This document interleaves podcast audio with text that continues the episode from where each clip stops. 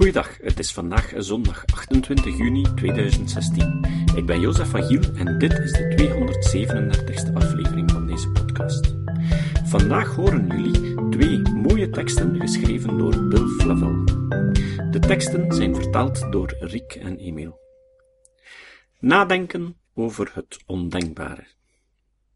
Als je een moslim bent, is de kans groot dat van alle onzekerheden in de wereld jouw God daar geen van is. Waarschijnlijk zal je zeggen dat je weet dat Allah bestaat en dat Allah de enige echte God is. Je bent er waarschijnlijk zeker van dat Mohammed de laatste door God uitgekozen profeet was en de islam de enige perfecte religie is. Je bent waarschijnlijk zo zeker van deze dingen dat het ondenkbaar is om ze in vraag te stellen. Maar als deze dingen waar zijn, waarom is ze in vraag stellen dan ondenkbaar?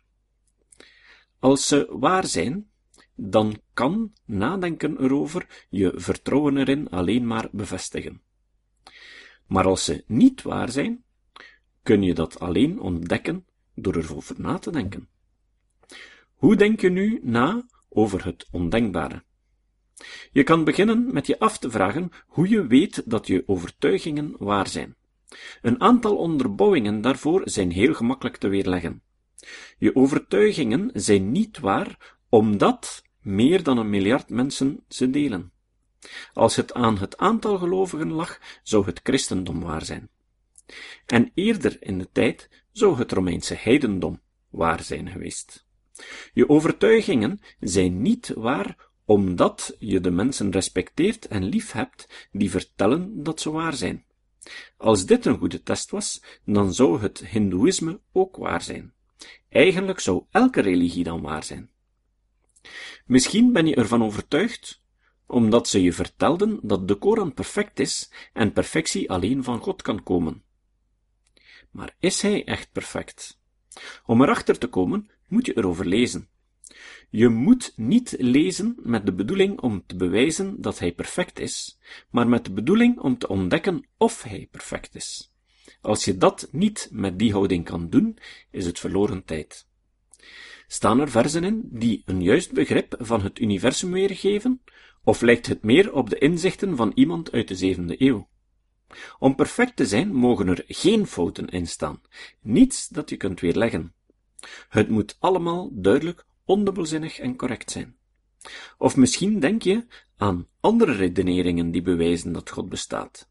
Meer dan dertig argumenten voor het bestaan van God zijn door de eeuwen heen naar voren gebracht en van allemaal is aangetoond dat ze ongeldig zijn. Als je het daarmee oneens bent, voel je vrij om jouw favoriete argument als reactie op de notitiepagina van deze aflevering te plaatsen en ik zal je laten zien waarom je er niet op kunt vertrouwen. Als je durft na te denken over het ondenkbare, wat houd je dan over? Je blijft zitten met overtuigingen waarvan verteld is dat ze waar zijn toen je kind was. Ze werden versterkt terwijl je opgroeide, omdat ze ook werden geloofd door bijna elke belangrijke persoon waarmee je in contact kwam. Dit verklaart waarom religieus geloof afhangt van geografie en familie. Bekijk een kaart van de religies van de wereld en het is duidelijk, religieuze overtuigingen worden doorgegeven van mens tot mens en niet van God aan de mensen. Nadenken over het ondenkbare kan je leven veranderen. Het kan de wereld veranderen. Vriendelijk zijn, het werkt. Probeer het. Het kan me echt niks schelen of jij in een onzichtbare God gelooft. Het kan me ook niet schelen als jij denkt dat die onzichtbare God de aarde en alle erop levende soorten heeft geschapen. Echt niet. Als jij er niet om geeft dat er geen bewijs is dat jouw God bestaat, en veel bewijs dat de aarde en de erop levende soorten niet bestonden op de manier dat jij denkt, dan ik ook niet. Domheid is niet onwettelijk. Maar ik geef er wel om dat jij verwacht dat ik me gedraag zoals jouw onzichtbare vriend dat wil.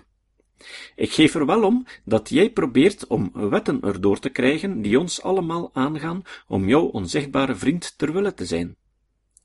Het kan me wel schelen dat jij scholen wil die mijn kinderen de nonsens onderwijzen die jij jouw kinderen leert. Dat kan mij heel hard schelen. Het kan me nog meer schelen dat jij gelooft dat jouw onzichtbare vriend bepaalde mensen mensenrechten wil ontzeggen, of mensen aanvallen of doden om hun manier van leven of om wat zij geloven. Ik heb een beter idee. Als de manier van leven van andere mensen jou niet schaadt, laat ze dan gerust. Als je wel schade ondervindt, laat het dan over aan de overheid.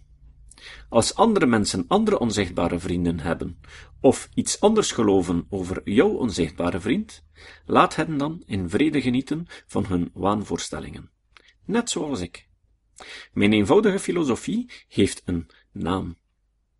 Vriendelijk zijn. Moeilijk is het niet, en het zou de wereld veiliger en gelukkiger maken. Het citaat.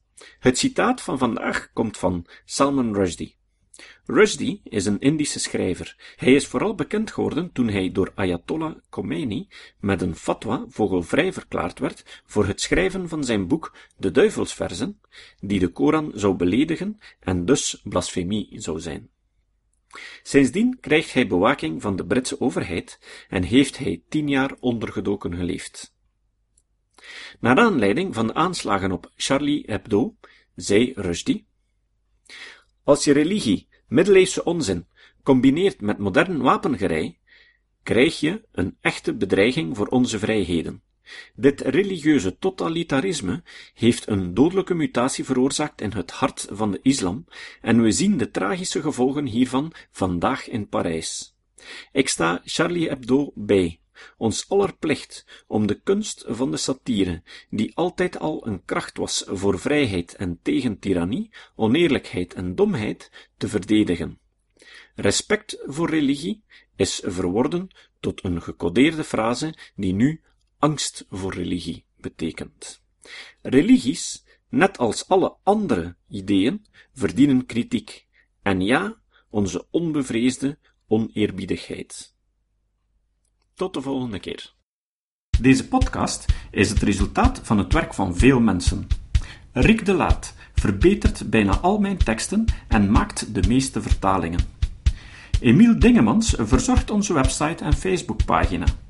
Ook Leon Korteweg en Stefan Sutens schrijven, vertalen of verbeteren soms artikelen. Leon onderhoudt bovendien het YouTube-kanaal van deze podcast. De muziek van de intro en de trailer heeft Nick Lucassen geschreven, en soms maken we ook gebruik van muziek van Ad van Nederpelt, die ons zijn prachtige composities ter beschikking stelt. Dit was de podcast Kritisch Denken. Vergeet niet om alles kritisch te behandelen, ook deze podcast. Voor verdere informatie over deze podcast, links en voor de tekst, surf naar www.kritischdenken.info. Als je deze podcast belangrijk vindt, kun je me steunen door anderen warm te maken ook eens te luisteren. Stuur een e-mail naar vrienden met een link naar de website en plaats de link in de handtekening van je e-mails. Tevens kun je op iTunes deze podcast een beoordeling geven of een recensie schrijven. Of je kan op je eigen website of blog een link naar kritisch denken plaatsen.